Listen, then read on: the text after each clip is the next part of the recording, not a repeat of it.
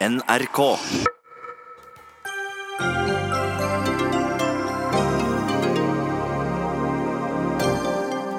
Norsk våpeneksport går så det suser, med storsalg til både Oman og Saudi-Arabia. Burde vi bry oss om hvem vi selger til, og hva er forskjellen på våpen og forsvarsmateriell? Tørr, tørrere, tørrest. Det var ikke bare fjoråret som ble tørt, det er mer i vente. Ifølge meteorologene er vi rustet for tørrere og villere vær. Hva kan jeg hjelpe deg med, spør Apples elektroniske hjelper Siri datagigantens brukere. Men hvem skal hjelpe Apple selv, som faller i både salg og markedsverdi? Og Nord universitet slår sammen mastergrad for journalister og kommunikasjonsmedarbeidere, og får kjeft fra mediebransjen.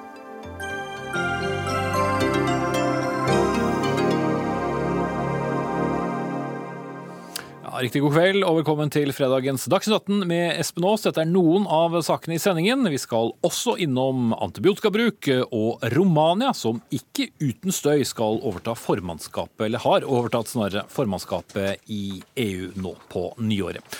Men vi begynner med norsk våpeneksport, som eh, har gode tider. I dag skriver Dagsavisen at eksporten fra den norske forsvarsindustrien økte med 50% mellom årene 2016 og 2017.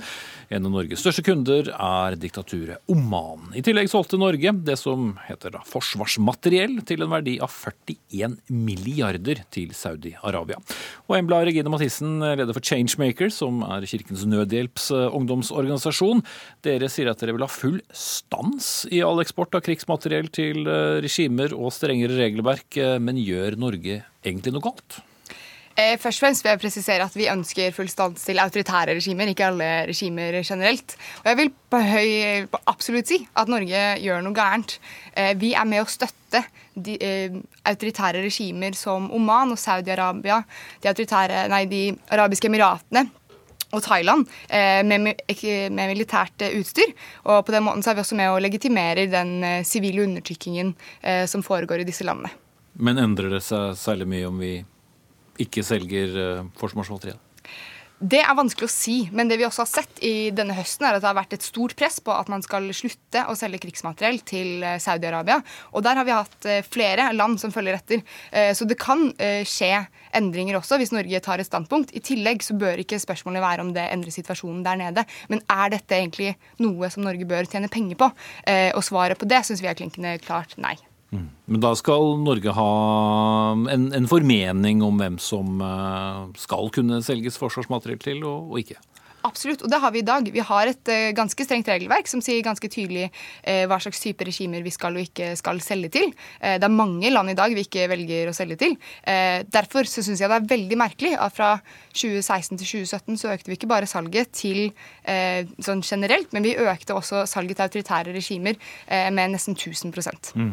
Du sier også til Dagsavisen i dag at utviklingen i norsk våpeneksport er skummel. Hva betyr det? Jeg syns jo eh, den er kjempeskummel, for vi går mot en tid hvor vi eh, selger mer og mer. Eh, så lenge Changemaker har jobbet med dette, så har eh, andelen som har gått til autoritære regimer, vært ganske stabil. Men det siste året så ser vi at det ikke lenger er rundt 5-10% Nå er vi plutselig på 30% av all eksport går til autoritære regimer. Og 34 av alt A-materiell, det er våpen og andre annet materiell som dreper. Eh, Det går nå til Midtøsten. Eh, Det syns jeg er en veldig skummel utvikling. eh, Både for forsvarsindustriens stabilitet og for Norges omdømme internasjonalt. Kristian Tybring-Gjedde, stortingsrepresentant for Fremskrittspartiet, også medlem av utenriks- og forsvarskomiteen. Er vi med på å legitimere konflikter vi er imot? Nei, overhodet ikke. Jeg synes vi skal starte med å si at vi vil være veldig stolte av vår forsvarsindustri. Det er en fantastisk industri med 5000 ansatte med utrolig spin-off-effekter i mange andre sektorer i norsk industri. Sannsynligvis er det sånn 15 000-20 000 mennesker som jobber i relatert industri. Den har gjort en teknologiutvikling som har smittet over på eh, på olje- og gassindustrien, også på klima, hvis man er opptatt av det, eh, industrien, og har altså gjort så mange positive ting for Norge. Så la oss begynne der. Eh, og så er det slik at eh, Forsvarsindustrien produserer ikke isolert sett. Det vil ikke si at Nammo eller Kongsberg eller eh, Thales Norge produserer ene, men de ser komponenter inn i systemer som gjør at vi er et stort gjensidig avhengig av hverandre i større systemer. Eh, Så du selger ikke våpen, men ja, altså, vi komponenter inn i, i forsvarssystemer, altså i våpen. Eh, som gjør at eh, alle er avhengig av alle. slik at skal man levere et sted, så er det klart at vi også må levere. For hvis vi ikke er med på å levere til et system, så kan vi heller ikke bestemme at vi skal være med når vi skal selge til et annet land som vi mener er vennligsinnet. Men når det er sagt, så har vi når det er autonome beslutninger fra Norge, så har vi et veldig strengt eksportregelverk. Det strengeste i verden, faktisk. Men du har ikke problemer med Saudi-Arabia og Oman f.eks.? Jo, derfor har vi også sluttet å eksportere til Saudi-Arabia, og derfor har vi også strenge når det gjelder UAE. Når det gjelder eh, Oman, som nå har blitt den siste saken, så selger vi altså luftvern til Oman. Det var en kontrakt som startet under rød-grønn regjeringen, når, eh, når, disse, eh, når man gikk inn og så på mulighetene for å selge til Oman. Kontrakten ble inngått i 2004. 2014. Men dette er altså luftvern. Det er altså ikke offensive våpen, men vern mot raketter. Så det er det som selges til Oman. Og det er en kjempekontrakt, og vi burde klappe i hendene for å se hva Norge klarer å få til. Mm. Så det som Changemaker og mange ungdomspartier også sier i samme avis i dag, har de ikke satt seg godt nok inn i saken? Nei, for De ser ikke forsvarsindustrien som en del av sikkerhetspolitikken, og en del av sikkerhetspolitikken en del av forsvarspolitikken. Eh, og det er klart at Dette er en sammensatt gjensidig avhengighet. gjelder både når det gjelder forsvar fysisk, at når vi skal forsvare Norge og når vi skal forsvare andre land, f.eks. gjennom Nato, men også gjennom forsvarsindustrien. Det er klart at Man kan være idealistisk og si at man skal ikke gjøre ting som, eh, som skader hverandre, eller man skal ikke produsere ting som, som gjør vondt hvis man bruker det. Eh, og Den holdningen kan man gjerne ha, men vi er en del av verden, og vi må akseptere at verden er faktisk ganske ond. Eh, men målet er selvfølgelig at man har våpen som i utgangspunktet er forsvarssystemer, som gjør at man ikke skal bruke dem. At man skal avskrekke. Det er jo målet med, med forsvarsindustrien og forsvarsmateriell. Mm. Torgeir Knag Fylkesnes, eh, stortingsrepresentant for SV. Er du like stolt av forsvarsindustrien som eh, din medrepresentant? Altså, det er jo åpenbart problematisk at vi gjør oss stadig mer avhengig av å eksportere våpen til autoritære regimer. Eh, vi har både solgt og vi også selger våpen til eh, regimer som undertrykker egen befolkning. Eh, og I noen tilfeller vet vi at de bomber sykehus, bomber begravelser, bomber skoler. I Jemen f.eks. så er det rundt 80 000 barn som har dødd av sult som følge av den store krigen som er der, der Norge har bidratt til, til forsvarsmateriell. Men finne en krig uten sivile ofre, det jo, men skal Norge da bidra inn i det ved å selge forsvarsmateriell inn der? Det er jo det store spørsmålet her. Skal vi ha en uh, forsvarsindustri i Norge som er avhengig av den type eksport? Eller skal vi være en del av det som er da våre allierte uh, på en måte våre allierte land? Og det er, de, vi selger og, driver handel med. Uh, og det er jo det som er det store problemet til Frp. Det er jo at de er veldig redd for islamske diktaturer, faren med det. Men når det kommer til våpen, så selger de gjerne eh, forsvarsmateriell til altså, også, også, disse statene. Så Et sted bør Norge etablere noen moralske grenser, og jeg mener at Changemaker og de andre ungdomsorganisasjonene påpeker et eh, veldig viktig område der Norge ikke bør gjøre seg avhengig av denne type. Det er ikke sånn veldig stor debatt på Stortinget som ser ut til å dra i den retningen, eller? Det en gryende, det går jo i riktig retning, vil jeg si. Eh, det er jo det presset som har skjedd fra sivilsamfunnet som har gjort at man har gjort begrensninger i salget til Emiratene, bl.a. som deltar i den grusomme krigen som skjer i Jemen. Eh, som har gjort at man stoppa opp i, i Saudi-Arabia. Det er jo ikke eh, Tybring-Gjedde og hans likefeller som har gjort det. Eh, sånn at her går, jobber man steg for steg, men det, vi ser at det er en mer brutal verden, eh, mer eh, autoritære regimer som vokser frem. Og da bør i hvert fall Norge sette ned foten og si at vi skal ikke eksportere våpen og forsvarsmateriell til disse statene. Det bør være i hvert fall det lille vi kan bidra til å, til å gjøre. Mm, her blandes jo Først så tydeligvis at min, min sidekollega kan jo ikke våpensystemet eller eksportregelverket.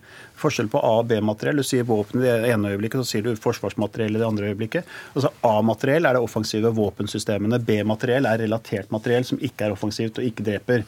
Det er utgangspunktet for disse to kategoriene. Derfor har vi verdens strengeste eksportregelverk, og noe også som Fremskrittspartiet har støttet. Vi vil ha et strengt eksportregelverk, men vi vil også bygge opp under de fantastiske mulighetene som forsvarsindustrien gjør, også for sivilt teknologi, sivilindustri. Dette samarbeidet som man har mellom eh, Lockheed Martin og Kongsberg, eller Nammo og Raytheon. Så dette Men hvis vi holder oss til eh, A-materiell, som var det du snakket om som ja. først, som er våpen eh, og, og ammunisjon, er, er vi der vi skal være? Ja, jeg syns det. Og vi, har, vi, er, vi, er, blant de strengeste i verden på dette. Garantert vi er strengest, det er jeg ikke sikker på, men vi er blant de strengeste i verden. Sannsynligvis strengest i verden på, på, på dette. Og jeg mener at denne diskusjonen her burde vi legge bak oss nå og heller se på det som er positivt med industrien. Det som vi kan skape ringvirkning for industrien, skape arbeidsplasser. Vi trenger arbeidsplasser. Vi kan ikke legge ned høyteknologiske arbeidsplasser fordi at man har noen moralske skrupler som overhodet ikke er relevante i denne sammenhengen. Dette er teknologi, og smitteeffekten er enorme. Arbeidsplassene er veldig viktige. Det skaper ringvirkninger for norsk næringsliv som er helt uerstattelige. Mm. Bare ta inn deg, Mathis, før du får svare, Fylkesnes. Ja, om A- og B-materiell. Det tenker jeg er eh, helt essensielt å vite at dere syns det er en forskjell. Men i moderne krigføring, sånn som vi ser i dag, så ser, helt, så ser ikke jeg noen særlig stor forskjell mellom å selge dem den kula som dreper den sivile, eller om vi selger dem det systemet som gjør at den kula treffer. Det er ikke en kjempestor forskjell. Det har vært en stor forskjell eh, tidligere, og det er masse eh, komplekse systemer som vi selger. Jeg er helt klar over det. Men vi må også klare å lage oss og sette moralske grenser, selv om dette er komplisert.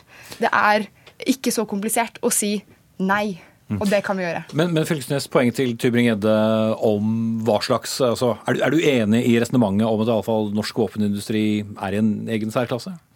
Og at den er viktig når det gjelder utviklingen av eh, ja, type våpen som, som vi står mer inne for, eller forsvarsmateriell eh, om du vil, enten det er eh, A- eller B-materiell? Ja, Det er jo åpenbart at vi, altså, vi, vi deltar i produksjon av større systemer. Blant annet så har vi blant annet solgt komponenter som har vært en del av missiler, som har vært en del av arsenalet, som man kunne bruke i den krigen som er nå i Jemen. Og så er spørsmålet skal vi da fortsette med det fordi at vi deltar i de eh, systemene der. Og svaret til SV er nei. Svaret til Frp er ja. Og helt siden slutten av 90-tallet så har vi hatt regler i Norge på at vi skal faktisk vurdere menneskerettigheter og demokrati når vi skal gi lisenser og selge, eksportere eh, militært materiell til andre land. Og gjør vi ikke det godt nok i dag? Det er jo akkurat det vi ikke gjør. For det første så har ikke vi god nok innsyn i hva som er de ulike vurderingene. Eh, staten vet heller veldig lite om hvordan disse våpnene her blir brukt. Man stoler bare på de landene som tar imot våpnene. Eh, så hvor Også, svikter vi da? Altså på regjeringsnivå? Vi følger jo ikke ordentlig opp. Altså, utenriksministeren har jo på direkte spørsmål ikke kunnet garantert for at våpen Norge eh, har solgt til andre land, har vært brukt direkte i krig mot sivilbefolkninga. Og det er jo klart, det holder jo ikke.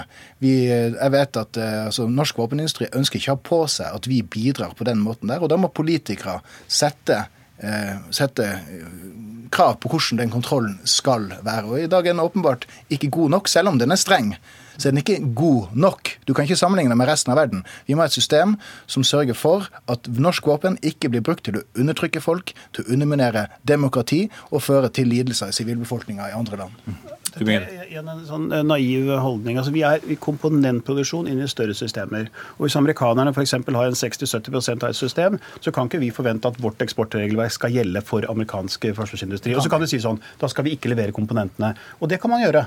Men hvis du ikke leverer komponentene inn i et større system, så får du heller ikke levert komponentene når det skal selges til et vennligsinnet land eller andre materiell til USA. Så du sier vi har egentlig ikke noe valg? Enten får vi Nei, selge det vi gjør? I disse store systemene så skal vi være stolte av at vi er en del av det. Det er jo fantastisk å være av Amram-missilet. Altså, tenk deg det hvordan eh, Raytheon og, eh, og, Kongsberg og Nammo har et samarbeid. Altså, dette er jo helt fantastisk. NSM-missilet f.eks., som Kongsberg har utviklet med samarbeid med USA. Dette er jo helt utrolig. Eh, så at Norge, lille Norge klarer å gjøre dette. Istedenfor skal man rakke ned på de som faktisk produserer, de som er som prøver å bidra for å bygge dette samfunnet videre, så skal man rakke ned på dem og finne annen, et eller annet argument som da skal gjøre at de ikke kan selge disse, det de produserer. Jeg syns det er helt hårreisende.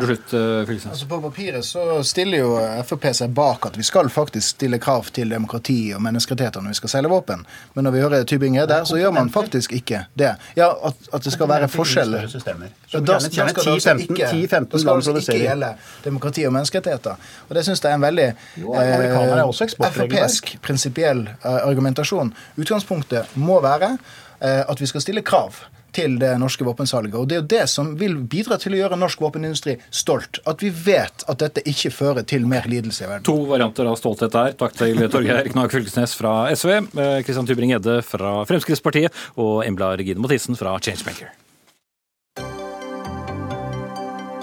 Dagsnytt 18 alle hverdager kl 18.00 på NRK P2 og NRK2.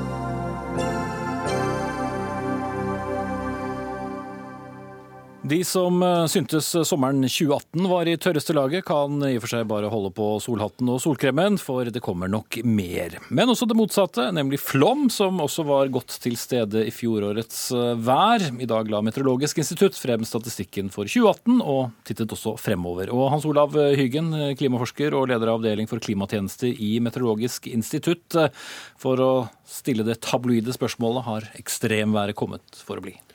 Ja, men det har vel alltid vært der. Så, sånn er svaret enkelt. Men det vi ser, er jo at det endrer seg.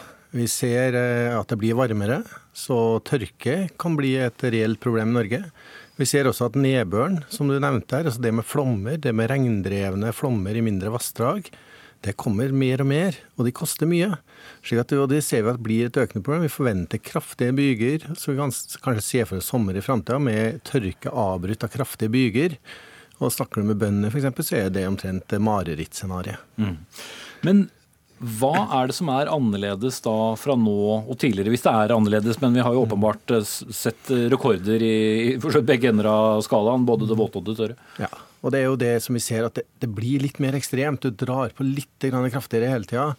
Eh, sommeren i år har vært sammenligna med 1947 f.eks. Men 1947 eh, hadde vel omtrent like lite nedbør, men var betydelig kjøligere. Sjøl om det var en varm sommer, det var veldig varmt for sin tid, så liksom, har vi dratt på med en grad allerede.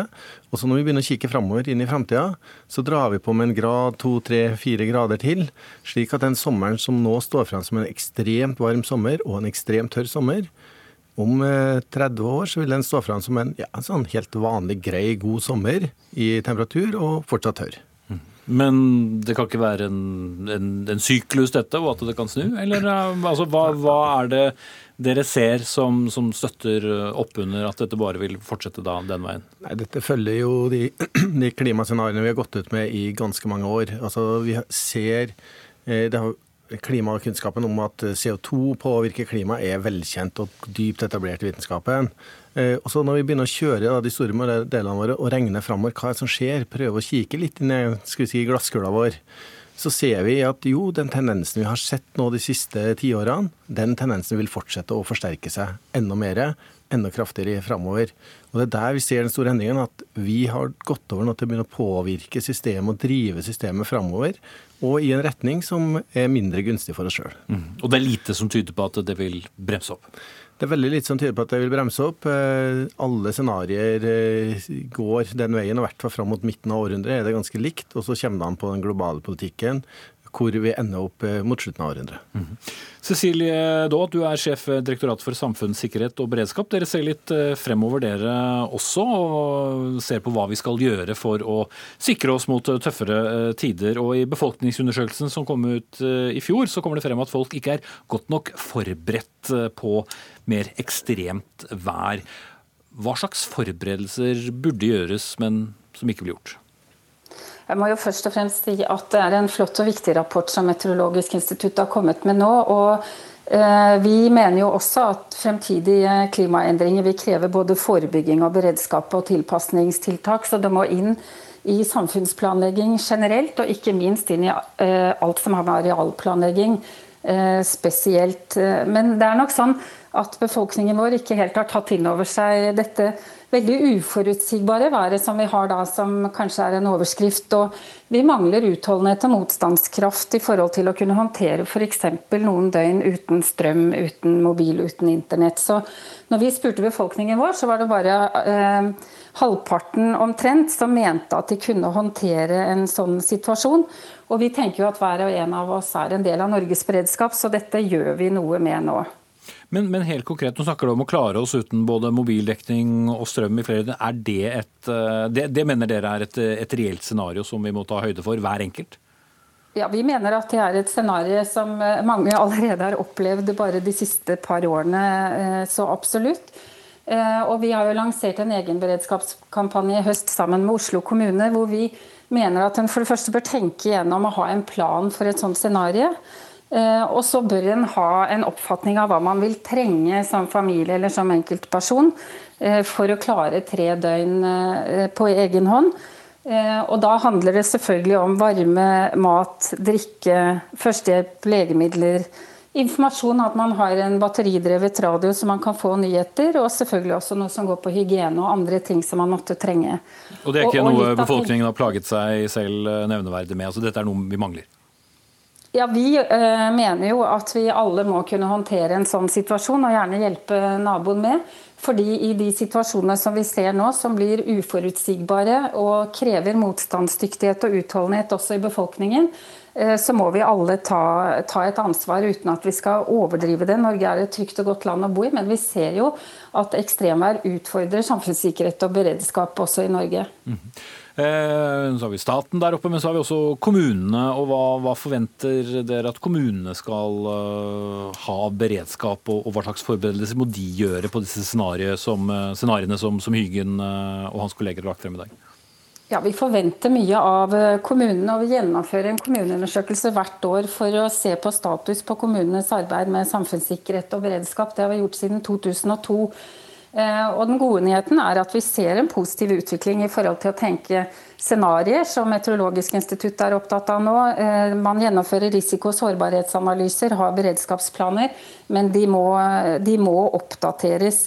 Eh, det skal jo sies samtidig at vi ser jo at selv små kommuner håndterer store hendelser gjennom et fantastisk samarbeid mellom kommunale etater, nødetater, sivilforsvar, frivillige organisasjoner og befolkningen. Men eh, tidvis så er det nok mer på tross av, eller pga. eh, god kommunal planlegging. Så vi har en jobb å gjøre f.eks. på dette med nødstrøm. Eh, nødvann, eh, legemiddelforsyningssikkerhet, eh, den type ting som vi må forberede oss enda bedre på å kunne håndtere. Mm.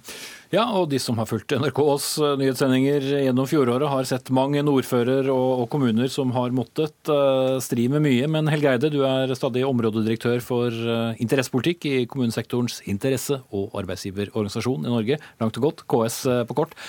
Hvor godt forberedt mener du kommunen er? Jeg tror vi kan underskrive hvert ord som Cecilie da her eh, skriver. Eh, hvis vi ser på arbeidet i kommunene, så blir det stadig bedre over tid. Men man kan ikke eh, stå her i 2019 og si at det er godt nok. Våre undersøkelser og DSB sine undersøkelser de sammensvarer i, i, i, stor grad. At det er fortsatt et stykke å gå før man kan si at man er, er fornøyd. Men så må det vel også sies at, at selv om vi skulle komme i den situasjonen at eh, Direktoratet for samfunnssikkerhet og beredskap sine undersøkelser viste grønt lys på alle mulige fronter, så ville det likevel være store utfordringer i, i kommunene. For risiko- og sårbarhetsanalyser og god klimaplanlegging og god arealplanlegging er helt viktig, essensielt for framtiden, men det er ikke tilstrekkelig for at det, at det, skal være god nok tilstand når det gjelder å være robust eh, i kommunene for, for klimatilpasning. Mhm. Men kan man i hele tatt være det? Vi, ingen forutså vel eh, alt som skulle skje i 2018, uansett hvor eh, gode fagfolk vi er? Nei, det kan vi ikke være. Så ek ekstreme situasjoner det skaper også eh, ekstreme utfordringer. Og som Cecilie da skriver, eller sier, så, så har jo selv små kommuner, f.eks. som Vågå og Lom kommune nå i, i 2018, vist at man, man, håndterer store utfordringer på en god måte. men likevel så er det et godt stykke igjen, både for de og for andre, mange andre kommuner før man er godt nok forberedt. Men, men noe kan man gjøre. Eh, selvsagt. Eh, og mange deler av dette er det kommunene heldigvis sjøl som er i stand til å gjøre noe med. Som å, å styrke eget eh, plansystem, som å, å, sørge for at risiko- og sårbarhetsanalysene er, er oppdatert. Som å sørge for at, at man er føre var i arealplanleggingen og, og, og tar veldig lav risiko for, eh, i de tvilstilfellene Men så står vann og strøm, som, som du nevnte her. Eh, hvis, hvis, det skulle gå riktig galt, og særlig i store kommuner, vil jeg jo se for meg at dette kan være en ekstra utfordring. Eller, altså, og kommuner med store avstander. Ja, det, det er riktig, men er ikke godt nok forberedt opp mot de, de kravene som man burde stille i dag. Det er nok det alminnelige bildet. Men samtidig ser jo vi at når disse hendelsene treffer, er det, med det? Ja, eh, så snur man seg rundt, eh, og, og så løser man situasjonen. Kommunene viser jo eh, at man er fantastisk fleksibel og fantastisk løsningsorientert når problemet oppstår. Men selvsagt så er det slik at, at planverket skal, skal forbedres. Og, okay. og, det ser vi skjer over tid. Men min, min, mitt hovedpoeng her er nok at det er ikke nok. For vi, for vi vet at på tross av eh, å ha fantastiske gode planer, hvis man ikke har, har, kapasitet, hvis man ikke har midler til å sette i gang de faktiske tiltakene for å skal, gjøre lokalsamfunnet mer robust, så, så, hjelper bare gode planer et stykke på vei. Men eh, da, hva konkret eh, ville du og dere blitt beroliget av at, at kommunen hadde på plass? da?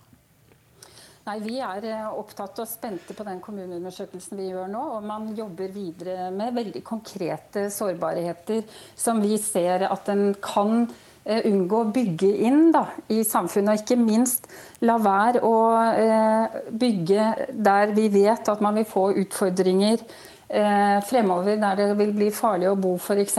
Så vi blir glad hvis vi ser at risiko- og sårbarhetsanalysene er oppdatert, og at klimarisiko er et gjennomgangstema gjennom hele den kommunale planleggingen. For dette er et tverrsektorielt anliggende. Det er ikke bare samfunnssikkerhet og beredskapsperspektivet som må legges til grunn her. Også at man har oppdaterte beredskapsplaner, og at vi ser helt konkrete effekter av dette. Så vi er spent på hva den neste kommuneundersøkelsen viser av, eh, av fremgang. Jeg er jo enig selvfølgelig med KS sier at på samfunnssikkerhet og beredskapsområdet så kan vi aldri greie å planlegge oss helt vekk fra alt som kan skje. Men bruker man en scenariotilnærming og har en god oppdatert risiko- og sårbarhetsanalyse som er lokalt orientert, så er det veldig mye man kan klare å forebygge. Og ikke minst også være forberedt på å håndtere når noe skjer. Jeg vil bare ta inn klimaforsker Hyggen eh, helt til slutt. Eh, altså de, de, lange linjene uh, fremfor for, Eller lange, korte linjene snarere, for, for, for 2019. Uh, hva kan vi si med noenlunde sikkerhet ut fra dataene dere har sett? Vi kan si veldig lite. Eh, sesongvarsling som egentlig har vært utrolig gunstig å ha, og da kommer vi på det med beredskap for sommeren og alt det der, det fungerer ikke hos oss ennå. Eh, så jeg, kan, så så er jeg egentlig sånn som alle andre. Jeg går rundt og lurer på får jeg en fantastisk vinter, eller blir den ikke noe særlig? Får jeg en supersommer, eller hva blir det? Men høyst sannsynlig så må vi forvente at et eller annet sted i løpet av 2019 eller flere steder så vil vi få en flom som vil koste oss et sted mellom et par hundre millioner og opp mot en milliard. Det vil skje. Men hvor det skjer, det er spenninga. Ja. Eneste trygge værmeldingen jeg hadde turt å komme òg. Det blir vær av det ene eller andre slaget. Takk skal dere ha. Hans Olav Hyggen fra Meteorologisk institutt, Helge Eide fra KS og Cecilie Daa fra Direktoratet for samfunnssikkerhet og beredskap.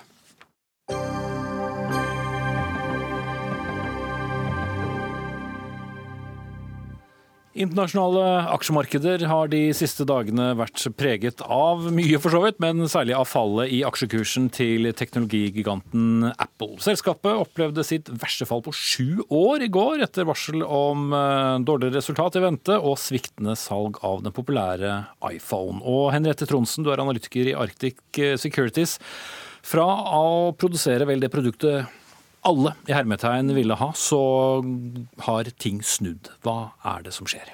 Det er jo mange grunner til det, da. Men eh, for det første så har jo smartphone-markedet globalt vært veldig svakt, og spesielt i Kina.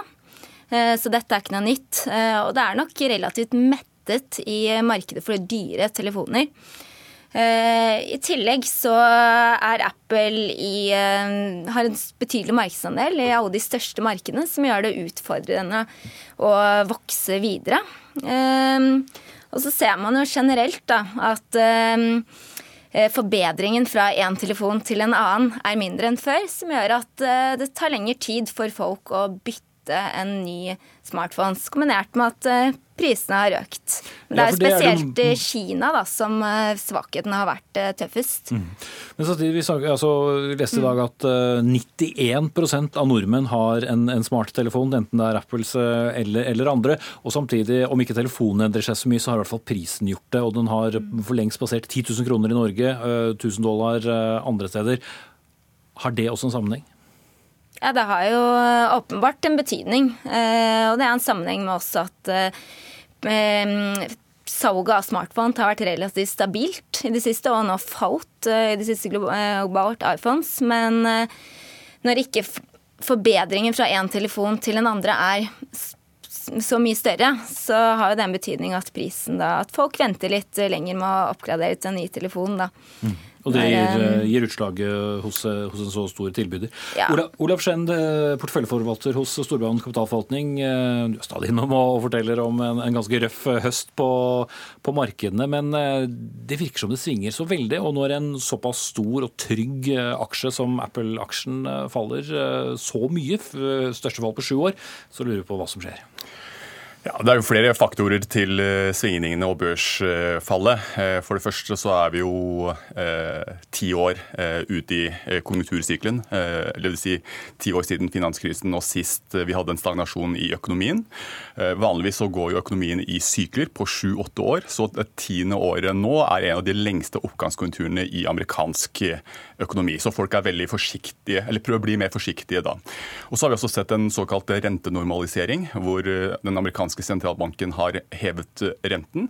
Og på tampen eh, så har du nå fått da eh, svakere veksttall, eller etterspørselstall, i Kina, bl.a. drevet av handelskrigen, og da spesielt da skyldte jo sjefen for eh, Apple eh, på dette her, selv om det er litt spekulasjoner på hvorvidt, hvor, hvor mye sannhet det er i dette her. da.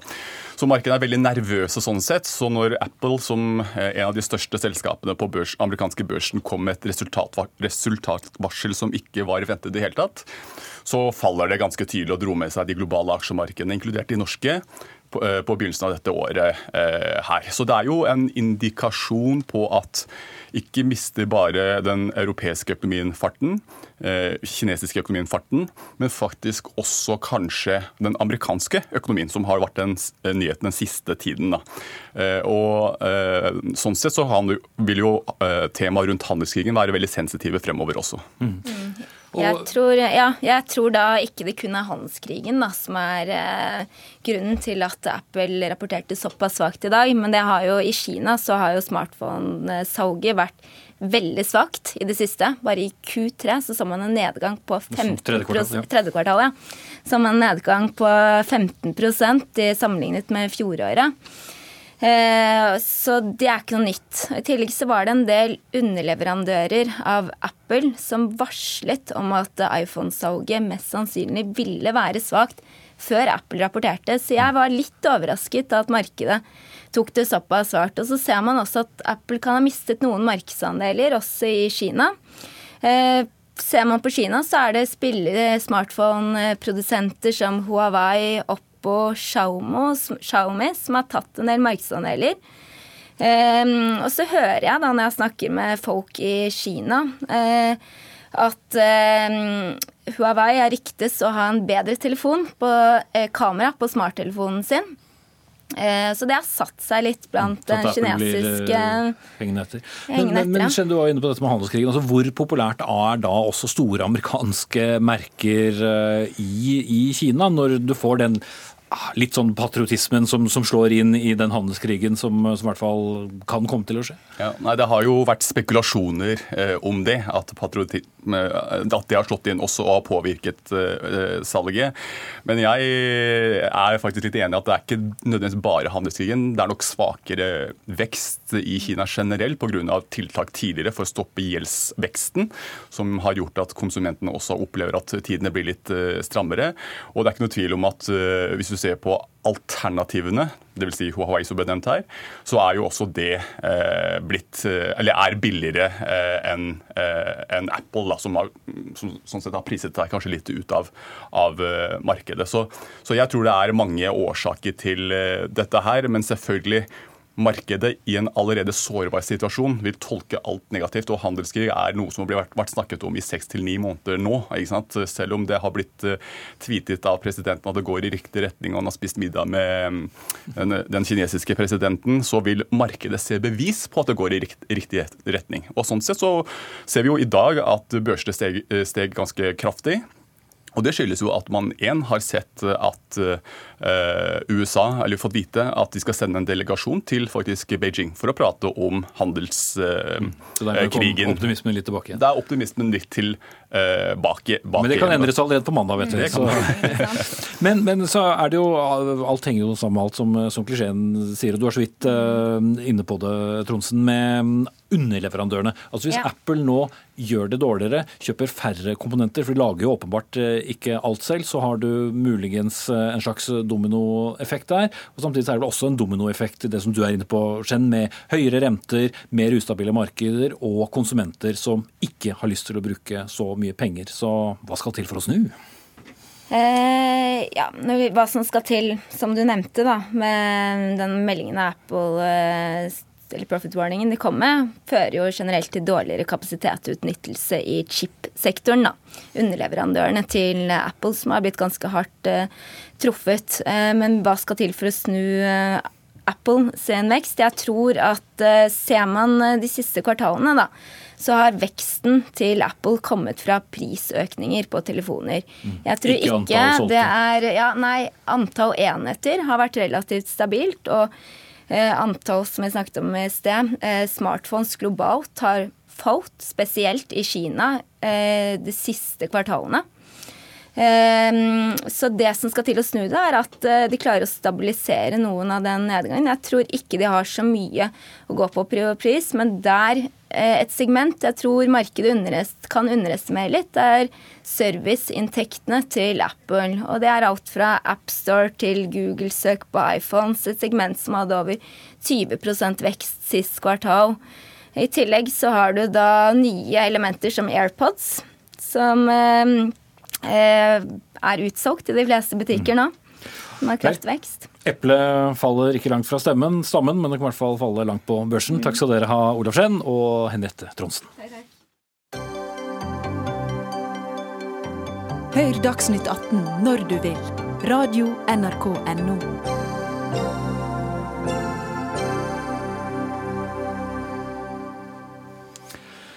Ifølge Verdens helseorganisasjon er antibiotikaresistensen eh, den største helsetrusselen i vår tid. De fleste av oss har hørt at det er viktig å ta hele kuren med antibiotika, selv om man føler seg frisk etter noen dager. Nå går en av våre fremste infeksjonsmedisiner ut og sier at det er på høy tid å få bukt med myten om at du skal nettopp fullføre kuren etter at du er frisk. Og det er deg det, Dag Berli, professor i infeksjonsmedisin. Berild professor i infeksjonsmedisin ved Oslo OsloMet. Eh, hvorfor skal vi nå plutselig gjøre disse kurene kortere? Hva jo, fordi at det er fullstendig evidensfritt område at man skal fullføre en antibiotikakur for å forhindre resistens. Det er en myte. Hvorfor er, hvorfor er ikke det riktig? Ja, Det er mange årsaker, men skal man forstå en myte, så må man bl.a. følge pengene. Farmasøytisk industri har jo hatt veldig mye å gjøre med det her. da. De har jo tjent eh, enorme summer på salg av antibiotika gjennom mange, mange tiår. Men det verste, det er nesten at legene ikke har stilt spørsmål ved det her. Fordi etter hvert som vi har fått bedre forståelse for hvordan bakteriene arter seg, og hvordan de formerer seg, så forstår man jo at det er feil at man skal fullføre en antibiotikakur hvis man ellers er blitt frisk. Men Sier du at det er industrien som har, har ført nok, dette mer enn legevitenskap? Nei, De har nok bidratt, men jeg syns også legene har vært inaktive. De har vært altfor autoritetstro. Man har trodd på gamle guruer. Og, og, det har vært Man har først begynt å tenke over det nå når, når det er fare på ferde. Altså, nå vet vi jo at uh, antibiotika er en trua ressurs, og det er ingen nye antibiotika kommer da. Så vi er nødt til å tenke nytt. Og det har ført til at man har retenkt hva som skjer når man gir antibiotika. Mm. Og da sier du at vi kan, vi kan eh, når, vi, når, vi, føler oss friske, så, så, er vi friske? Ja, no, ja, normalt er det sånn. Men når det er sagt, så skal man også være litt ydmyk, fordi det mangler en del forskning, spesielt i allmenn praksis, på korte antibiotikakurer. Eh, men alle de studiene som er gjort, hvor man har sammenligna kort og lang behandling, har vist at kort behandling også ved veldig alvorlige Eh, infeksjoner er nøyaktig like så godt som langvarig behandling, forutsett at pasienten kommer seg på behandlingen. Mm. Bjørn Gullvåg, eh, direktør Helsedirektoratet. Vil du følge rådene fra Bæril her og, og si at nå kan vi kutte ut disse lange antibiotikakurene? Jeg tror Beril har et veldig viktig poeng, og vi vil eh, naturligvis samarbeide sammen med ham og det øvrige fagmiljøet for å redusere den totale bruken, og også den unødvendige overforbruken. For det er et overforbruk? Ja, det er helt åpenbart. Eh, og vi skal ned. Vi har satt oss et mål, og vi er, på, vi er i ferd med å gå ned. Og så er det antagelig et veldig godt poeng det som Beril har, at vi også da må redusere i uh, lengden som disse kurene er. Men vi trenger jo uh, god forskning, som Beril også er inne på, for å kunne vite hvilke pasienter som kan tjene på dette, og hvilke som ikke kan tjene på det.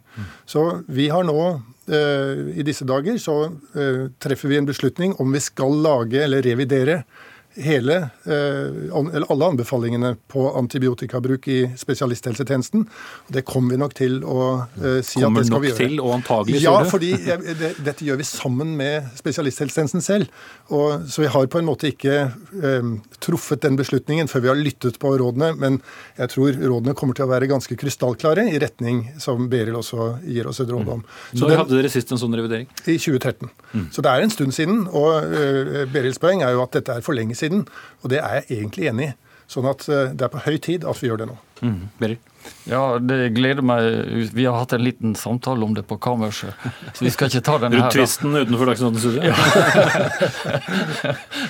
Så, men det er opplagt. Det er veldig hyggelig at det blir ordna nå, fordi det, Ja, for det er ikke bare hyggelig, men du mener Nei, også det at dette har ganske Ja, det er strengt farlige kon ja, ja, det er- konsekvenser? Det er strengt nødvendig fordi eh, hvis man skal forbedre antibiotikabehandlingen, og det skal vi, unngå unødvendig behandling, så må vi ha valide retningslinjer i bunnen. Og utviklingen har gått ganske raskt de siste åra, så det, det nytter ikke med at det går seks år. Det må gå to år mellom hver gang vi reviderer de retningslinjene. Så- Nå, nå vet jeg at det sitter masse mennesker og hører på Dagsnytt eh, 18 og tenker OK, eh, jeg har tenkt det samme, at det føles meningsløst å fortsette å ta antibiotika etter at jeg har følt meg frisk, men, men du sier da likevel, Gullvåg, bi litt. eh, Ja, jeg og- sier bi litt, for Men det hører jeg jo Beril sier også. altså I allmennpraksis det er jo 90% av antibiotika som vi benytter, det benyttes i allmennpraksis. Og der er det en større avstand mellom helsearbeiderne og eh, pasientene i selve oppfølgingen.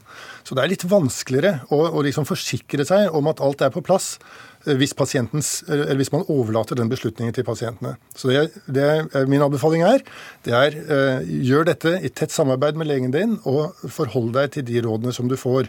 eh, Legen er på slappe, sier Beril.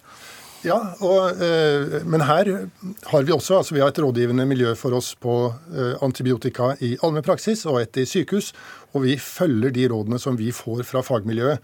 Og de sier foreløpig at eh, vi har ikke tilstrekkelig kunnskap. Men det er nå nye ting på gang. Altså I Sverige så gjennomføres det et stort forskningsprosjekt på eh, halsbetennelsesbehandling med, med penicillin. Og der undersøker de effekten av å gå ned til fem dagers behandlingslengde. Normalt så har vi behandlet lenger enn det. Og det, det er veldig spennende å få den type resultater. Men før jeg kan gå ut og si at jeg anbefaler dette innført overalt, så vil jeg gjerne ha den dokumentasjonen på plass, slik at vi ikke eh, kommer i en posisjon hvor vi angrer i etterkant fordi at pasienter eh, har fått eh, veldig negative følger av det. Mm. Nei, Det er jeg mindre bekymra for enn deg. Altså. Jeg jeg kan fortelle, i Holland der anbefaler man ikke å bruke penicillin ved halsbetennelse. Vi gjør det i Skandinavia for å unngå halsbyll. Men antallet pasienter du må behandle eh, for å unngå én halsbyll, det er jo hundrevis, eller jeg kjenner ikke detalj, men the number needed to treat er enormt for å forhindre én halsbyll. Og, og reelt sett, hvis du gir penicillin til en streptokokkhals, så sier onde tunger at da korter du sykdomsvarigheten fra en uke til syv dager. Så effekten av veldig mye av det vi gir i allmenn praksis, er veldig marginal, altså. Så sånn er det.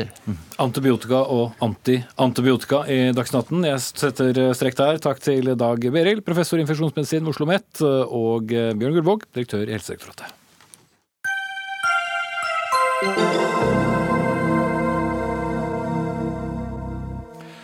Så skal vi snakke om eh, utdannelsen til folk som eh, kanskje noen år skal sitte i denne stolen og være programleder og stille kritiske spørsmål til politikere og andre.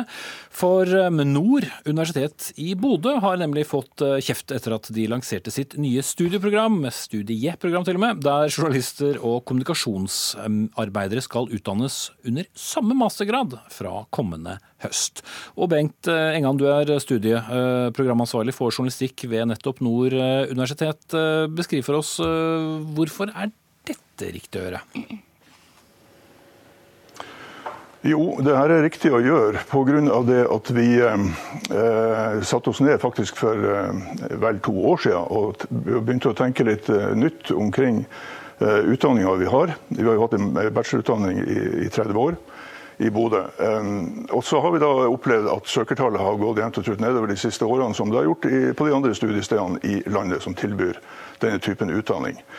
Uh, og det her var da en uh, bakgrunn for at vi, vi, vi, som sagt begynte å, å, tenke litt nytt rundt dette her. Og Da finner vi ut det at vi vil nå satse på å gi en masterutdanning. Det vil si, vi vil løfte journalistutdanninga opp på et masternivå. Samtidig vil vi gi et utdanningstilbud innenfor kommunikasjonsarbeid. Men jeg må bare få nevne også at den introen du hadde for eh, ca. tre kvarter siden om at vi har slått sammen utdanningene, er ikke korrekt. Hadde vi gjort det, så burde alle, så alle alarmklokker ha ringt. Eh, det er, ut, det er, to utdanninger to fordypninger som ligger under samme eh, masterparaply, får vi si. Der det første året er felles, og det andre året er klar fordypning i to ulike retninger. Mm. For du er enig i at eh, en kommunikasjonsmedarbeider og en, og en journalist tidvis kan ha ganske motstridende interesser i yrkeslivet? Helt opplagt. Helt opplagt. Eh, det her er noe som vi selvfølgelig er, er, er klar over i, i fagkollegiet her på Nord universitet. Og, og, Derfor så må jeg jo si at den kritikken som er kommet, eh, virker litt underlig hvis man virkelig tror at ikke vi er i stand til å holde de her to fra hverandre klart og tydelig helt fra dag én i studiet. Mm. Sånn at det er, vi, vi vil jo tvert imot se det som en stor pedagogisk fordel at to yrkesgrupper som faktisk har ganske mye med hverandre, eller skal ha mye med hverandre å gjøre når de her er utdanna, vet mest mulig om hverandre når det gjelder å, å, vite hva slags eh, vilkår og hva slags betingelser hva slags etisk rammeverk de opererer innenfor. Mm. Inger Merete Hobbelstad, du er kommentator i Dagbladet. og Du skriver i dag at dette er et eksempel på citat, en grunn bedriftsøkonomisk tankegang som blir brukt på områder der den ikke passer og kan komme til å gjøre skade. Hva slags skade? Eh, dette er jo, Jeg syns dette er problematisk på flere områder. og Jeg vet ikke helt om jeg syns argumentasjonen her er litt paradoksal. Da, fordi For det første så får man jo beskjed om at dette er slått sammen, og for det andre får man beskjed om at det skal holdes skilt, og at det er det vesentlige. Så Hvis, hvis dette skillet er så utvetydig, så hvorfor, hvorfor, slå det sammen i utgangspunktet, kan man, jo, eh, kan man jo spørre om. Dette er problematisk fordi kommunikasjonsarbeidere og journalister har nærmest helt motsatte oppgaver i samfunnet. Eh, de lever jo begge av å formidle, av å produsere tekst. Du kan si at rent sånn overfladisk er, det, eh, er den likheten der. Men eh, da, journalisten skal jo være uavhengig, skal ha distanse til kildene, skal ikke la seg forføre, skal eh, passe på sin habilitet osv. Eh, mens kommunikasjonsarbeideren jo har som jobb nettopp å være avhengig. ikke sant? Nettopp å hegne om omdømmet og interessene til bedriften eller institusjonen eh, som, eh, som, de er knyttet til. og vi har sett i de senere år, altså dette er kanskje den overordnede bekymringen, syns jeg, da, at vi har jo sett i de senere år at det har vokst fram en ganske stor skepsis mot mediene som sådan. Eh, altså det at det blir altså Den trumpistiske versjonen er jo kanskje den mest eh, kjente. Og der på en måte man ikke respekterer at det er liksom måter og regler som styrer at det som regel er etterrettelig informasjon som kommer frem gjennom eh, journalistikken. Og jeg tenker at en sammensausing av dette kan bygge opp under denne forståelsen, nemlig at alt i utgangspunktet er interesser. ikke sant? Alt er talspersoner. Det er ikke forskjell på avhengig og uavhengig, eh, avhengig og uavhengige kilder. Og det syns jeg er svært bekymringsfullt. Samtidig så kan du se at omtrent samtlige kommunikasjonssjefer og informasjonsmedarbeidere i de politiske partiene, Høyre, Arbeiderpartiet, SV osv., er jo journalister. Mm. Altså, det stemmer jo selvfølgelig at det er mange journalister som går den veien. Altså, dette er jo en yrkesgruppe som vokser, eh, samtidig som journalistene blir færre. Dette er også en ganske bekymringsfull eh, utvikling. Eh, så det er helt sant at når mediebransjen blir litt for når det blåser litt stiv kuling der, så er det mange av oss som trekker over i kommunikasjonsbransjen. Men det vi også ser, er at det er fryktelig vanskelig å gå motsatt vei. Eh, nå har vi et veldig profilert eksempel ganske nylig med Espen Teigen, altså kommunikasjonsrådgiveren til Sylvi Listhaug, som skal bli journalist i Nettavisen. Er journalist i Nettavisen, beklager. Men der ser du jo at det har blitt satt spørsmålstegn ved hva det vil gjøre med hans troverdighet som journalist, hans distanse. Det at man vet at altså han er kjent for å være så bundet til et bestemt eh, politisk ståsted. Så, er, så denne trafikken er ikke så stor som man kan få inntrykk av. Mm. Ja, Engan, her var det mange bekymringer. Kan du berolige?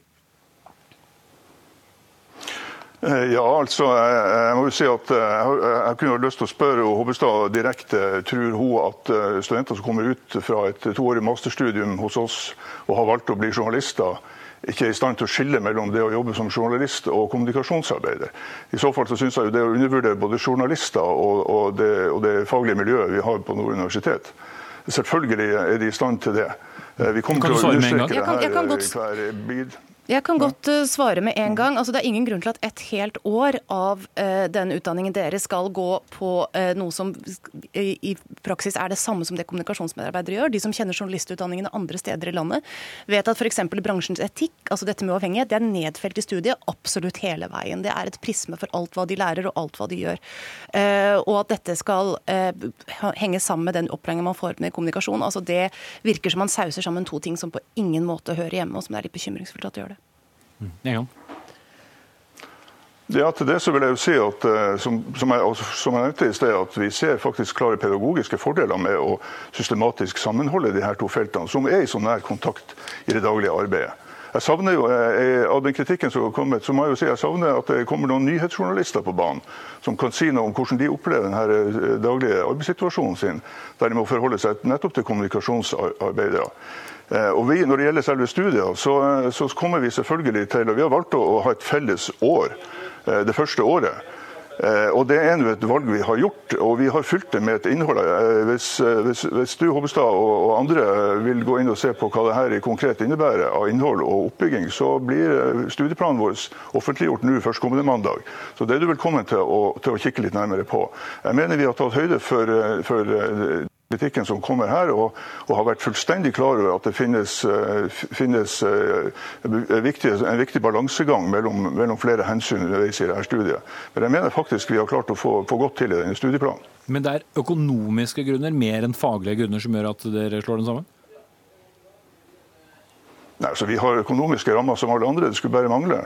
Men at det er noe sånn jakt på eh, mest mulig overskudd, sånt, det er å skyte langt over mål her. Vi kom under et visst antall studenter som primærsøkere. Derfor fikk vi ikke starte opp bachelorstudiet nå sist høst. Eh, det er nå greit nok, men det er på ingen måte økonomiske hensyn som driver fram dette. her.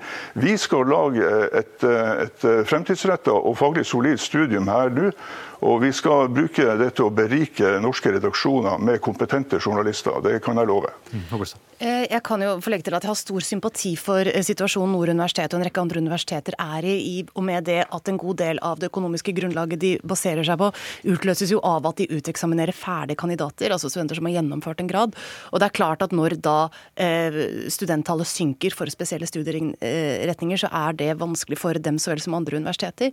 Men i dette tilfellet så er jeg ikke i tvil om at hvis hvis det rett og slett ikke er nok studier til bachelorprogrammet, som, som nevnes her, så ville det eh, riktige vært å legge det ned. For det finnes jo flere eh, journalistutdannelser i landet som det er mulig å søke seg til. Mm. Men det er kanskje ikke et alternativ uh, for deg engang? Mm. Nei, altså, Det bør selvfølgelig være journalistutdanning i Nord-Norge, og vi er jo fast bestemt på å opprettholde den vi har her i Bodø. selvfølgelig.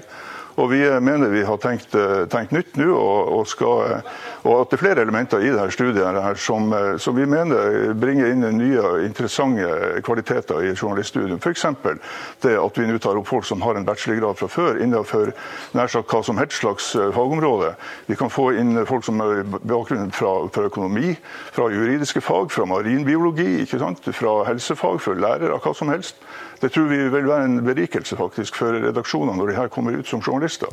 Og vi får se når den eh, dagen kommer. Jeg får være streng eh, journalist og programleder og bite deg av, Bengt Engan, eh, studieprogramansvarlig for journalistikk ved Nord universitet, og her i studio, Inger Merete Holstad, kommentator i Dagbladet.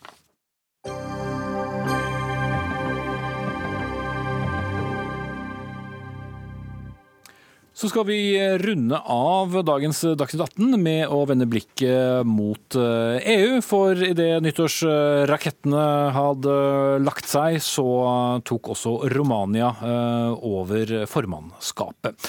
Og det har ikke skjedd uten en viss støy. EU-kommisjonens leder har gått hardt eh, ut mot landet og har sagt at Romania ikke er modent for oppgaven. Juncker han er først og fremst bekymret for at Romanias politikere ikke tar den omfattende korrupsjonen i hjemlandet alvorlig nok. Mange regner Romania som et av Europas mest korrupte land. Og Ulf Sverdrup, direktør ved NUPI, eller Norsk utenrikspolitisk eh, institutt, eh, burde han være bekymret? Så Romania var jo under Ceaucescu et veldig tøft regime. Og siden 1989 så har veldig mye skjedd. Eh, de er medlem av Nato, medlem av EU. det som har skjedd, og EU har egentlig hele tiden vært kritisk til korrupsjon i Romania. Så derfor, så, da de ble medlem av EU i 2007, så har de hatt en sånn spesiell observasjon av Romania hele veien. Og det som har skjedd nå de siste tidene, er at utviklingen har gått med små steg i riktig retning, og så har de på en måte begynt å gå med steg i feil retning, slik at korrupsjonen øker. Så, så de har all mulig grunn til å være bekymra. Det er et et politisk eh, klima i Romania som er dårlig. Mm. Samtidig så var landet godt nok til å bli medlem i EU, og alle de 28 eh, landene som fortsatt eh, er der en liten stund til i hvert fall, skal jo ha mer eller mindre samme status, ikke man skal ikke ha noen sånn A- og B-land. Er det så farlig om man da har et formannskapsverv en stakket stund? Ja, det som er liksom satt på spissen her, så er jo sånn Kan man lede en organisasjon, ha formannskapet? Hvis man er også i strid med noen av de grunnleggende prinsippene og verdiene til den organisasjonen.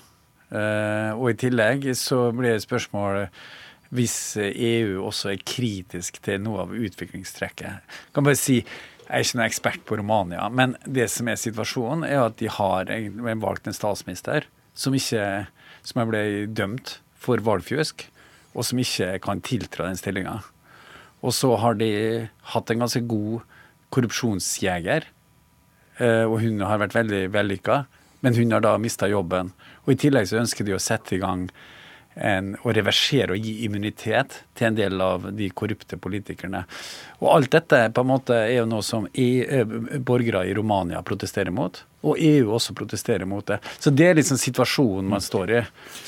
Så, øh, men så er det du tar opp, dette med andrerangs og førsterangs stater. Det tror jeg er et veldig viktig tema altså i EU i dag, som er et mye større, det er et mye større problem enn bare Romania. Det er på en måte en viss sånn forskjellsbehandling mellom stater i vest og stater i Øst-Europa der de i vest er kritisk til at noen av statene ikke følger og ønsker å reversere noen utviklinger, mens de i øst anser at de blir behandla som annenrangsstater. Det er et problem som man må komme rundt og komme over og, og forbi. Mm. Og Interessant nok, da, apropos øst, så har jo en annen mektig person i EU, nemlig presidenten i Det europeiske råd, altså polske Donald Tusk, sagt at Romania kommer til å gjøre en, en god jobb. Så det er ikke helt eh, ren enighet innad i EU, eller? Nei, du, ja, eh, du kan si eh, i, frem til 2009 så var det å, formanns, å ha formannskap i EU var veldig viktig. Du hadde stor innflytelse. Men så gjorde man noen endringer i traktatene i EU som gjorde at i dag så sitter dette formannskapet mye mer i Brussel. Og det er sekretariatet i Brussel som driver dette. Så på mange måter så er formannskapet en slags symbolsk ting.